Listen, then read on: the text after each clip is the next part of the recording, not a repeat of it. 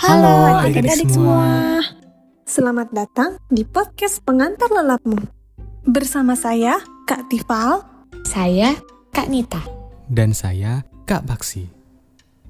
Kanita, Kak Tifal, pengantar lelapmu, podcast apaan sih?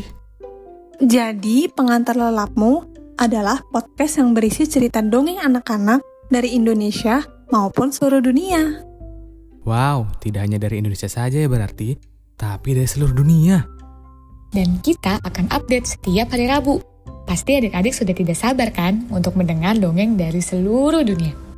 Jadi, terus ikuti kami ya di podcast pengantar lelapmu. Jangan sampai ketinggalan ya. Selamat tidur, semoga mimpi indah ya.